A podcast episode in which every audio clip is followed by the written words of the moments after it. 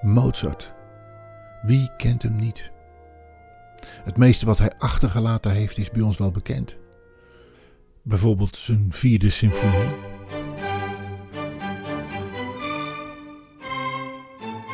Zijn requiem.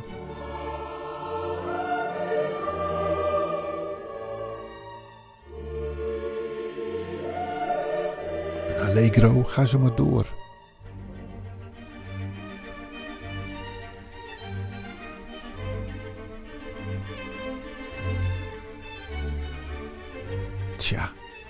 Zo'n talent willen we allemaal wel.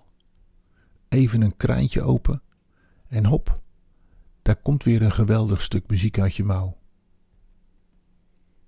Het talent van hem is wat dat betreft ongekend. Maar kennen we ook de aanloop naar wat hij heeft geleverd? Het is de obsessieve drang van zijn vader die hem zover gekregen heeft. Op zijn derde speelde hij al piano. Op zijn achtste schreef hij een symfonie en als klap op de vuurpijl schreef hij op zijn twaalfde al een eerste opera. Als wonderkind heeft zijn vader hem overal meegenomen om te laten zien waar dat kleine kind toe in staat was. Vaak moesten zijn ouders hem aan het eind van de dag ook wel wegslepen van de piano. Maar toch, achter de schermen zat de intense training die hem zover heeft gebracht. Talent is iets moois, maar om er werkelijk iets mee te kunnen doen, is dag in, dag uit trainen om uiteindelijk tot de grote hoogte te komen. Vergelijk het een beetje met Epke Zonderland. Tot in de perfectie zijn die oefeningen uitgewerkt. Vanaf de tekentafel tot de vele keren dat de oefening mislukte. Het hoort er allemaal bij. En in het geval van Mozart kunnen wij dan ook van die muziek genieten. Een bijzonder stuk muziek wat mij in mijn geheugen staat gegrift is een vesper van zijn hand.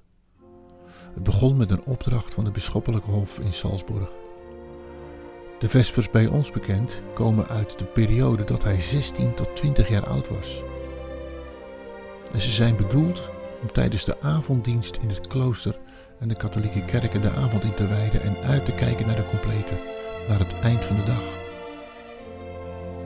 Hoewel binnen de bisschoppelijke opdracht voor het schrijven van een vesper er ruimte was om zijn muzikaal talent te kunnen gebruiken, heeft hij er toch ook een zelf gemaakt. Het is de Vesperae Solemnis de Confessore.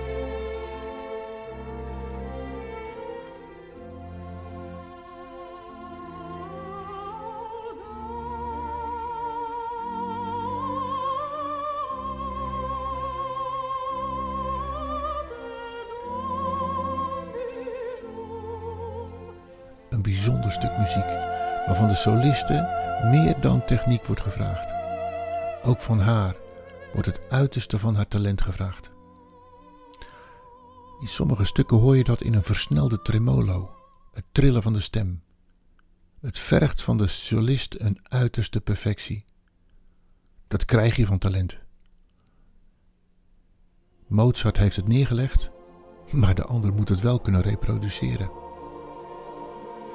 Het is trouwens een belevenis waard om eens een vesperdienst mee te maken. Een opening met een lezing uit bijvoorbeeld Psalm 103. Loof de Heere mijn ziel en alles wat in mij is zijn heilige naam. Wat een prachtige opdracht. Zet je ziel aan om God te prijzen. Je kunt het een litanie noemen, een gebed om Hem aan te roepen om ontferming, te smeken om genade of voor genezing. En dan een beurtzang als voorbereiding van de lezing uit de Bijbel.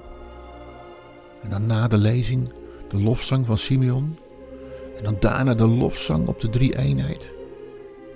En dan vervolgens het uitspreken van het Onze Vader, het Pater Noster, zoals dat in de orthodoxe kerk wordt gedaan. Waarbij we daarna zingen op de betrekking van de volgende dag. En tot slot een gebed. Wat een feest om te beleven. Zo'n talent willen we toch allemaal? In ieder geval kunnen wij genieten van het talent wat Mozart heeft ontvangen. Maar bedenk wel dat het ook keihard werken is. Voor hem was het zo, voor ons ook. Het uitzonderlijke zit hem ook meteen in de worstelpartij en de zoektocht. Wij ook. Wij hebben ook een talent.